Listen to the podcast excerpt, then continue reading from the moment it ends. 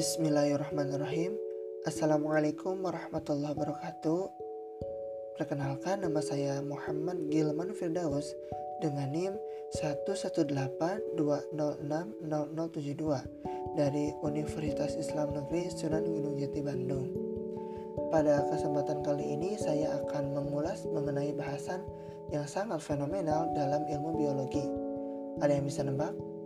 Ya, evolusi. Evolusi kerap menjadi kontroversi pada beberapa kalangan yang katanya ada yang mengatakan bahwa evolusi itu menunjukkan proses bahwa manusia berasal dari kera. Hmm, kalau kita kaji ulang ternyata pernyataan tersebut tidak sesuai dengan prinsip evolusi. Pantas saja jika ada beberapa pihak yang menentang evolusi. Di dalam Campbell 2010 dijelaskan, evolusi merupakan penurunan dengan modifikasi. Gagasan bahwa spesies yang masih ada merupakan keturunan spesies nenek moyang yang berbeda dari spesies masa kini. Secara sempit juga didefinisikan sebagai perubahan dalam komposisi genetik suatu populasi dari generasi ke generasi. Teori evolusi yang banyak diterima dan sangat representatif dalam menjelaskan definisi evolusi adalah Ya, teori Darwin. Teori evolusi Darwin yang terkenal ialah teori seleksi alam. Ada lima teori utama dalam evolusi Darwin. Yang pertama, tidak konstantnya spesies. Yang kedua, penurunan segala organisme dari leluhur-leluhur bersama. Yang ketiga, evolusi gradual. Yang keempat, bertambahnya spesies. Dan yang kelima, seleksi alam. Untuk membuktikan adanya proses evolusi, para ahli membuktikannya dengan beberapa hal yaitu yang pertama pengamatan langsung pada perubahan evolusioner, yang kedua catatan fosil, yang ketiga homologi, yang keempat biogeografi. Proses evolusi keseluruhan dijelaskan dalam skala geologi. Catatan geologi ini membagi waktu dengan beberapa zaman. Setiap zamannya atau era masing-masing ditandai dengan kemunculan atau kepunahan suatu makhluk hidup. Skala geologi ini menunjukkan proses kemunculan makhluk hidup di muka bumi dari mulai proses terbentuknya bumi sampai kepada kemunculan makhluk hidup yang paling kompleks, meliputi kemunculan prokariot, hewan invertebrata, tumbuhan, hewan vertebrata, dan lain-lain. Semua kemunculan makhluk hidup di muka bumi ini berdasarkan teori Darwin muncul melalui proses seleksi alam.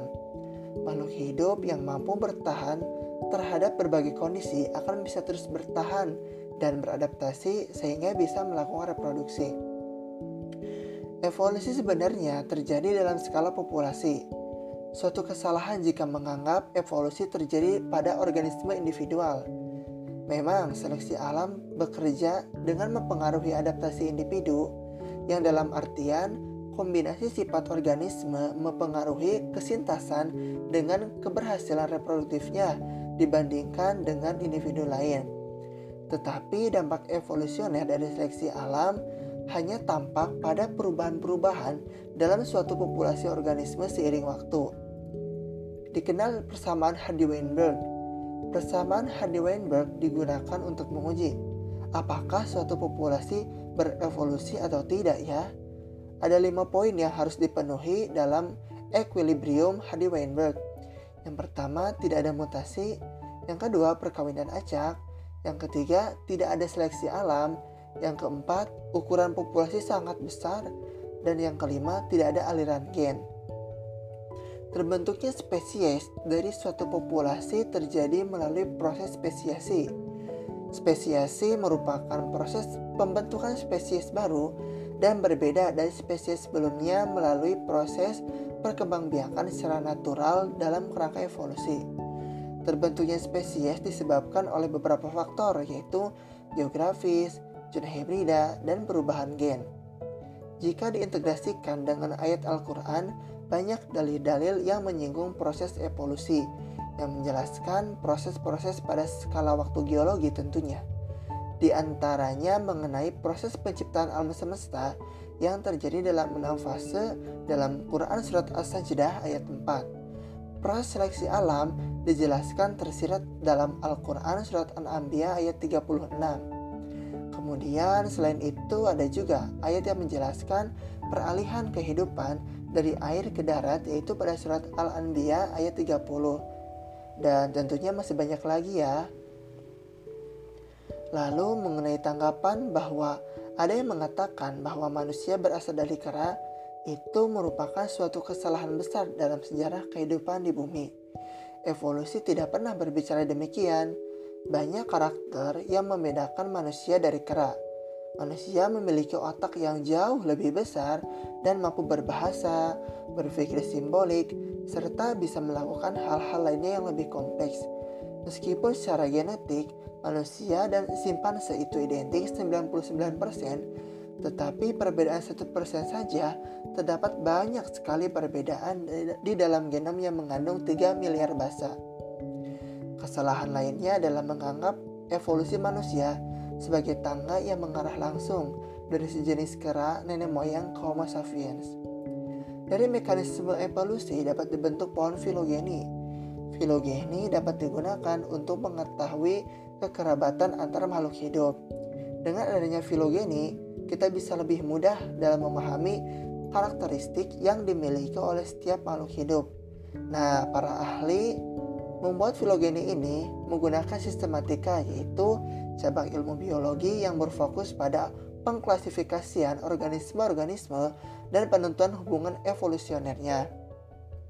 Para ahli sistematika menggunakan data yang berkisar dari fosil hingga molekul dan gen untuk menyimpulkan hubungan evolusioner Tentunya ada aturan-aturan tertentu dalam menentukan filogeni.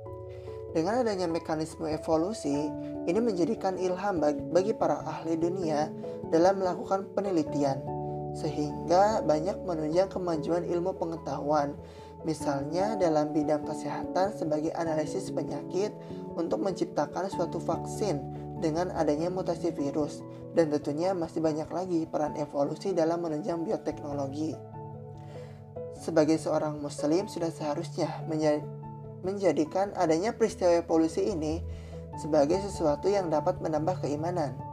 Tentunya dalam hal ini Allah Subhanahu wa taala telah menunjukkan kekuasaannya dalam menciptakan semua makhluk hidup yang ada di bumi. Jika kita sudah berpikir demikian, sungguh kita akan memandang peristiwa evolusi ini merupakan sebuah kejadian yang sangat luar biasa. Terima kasih. Wassalamualaikum warahmatullahi wabarakatuh.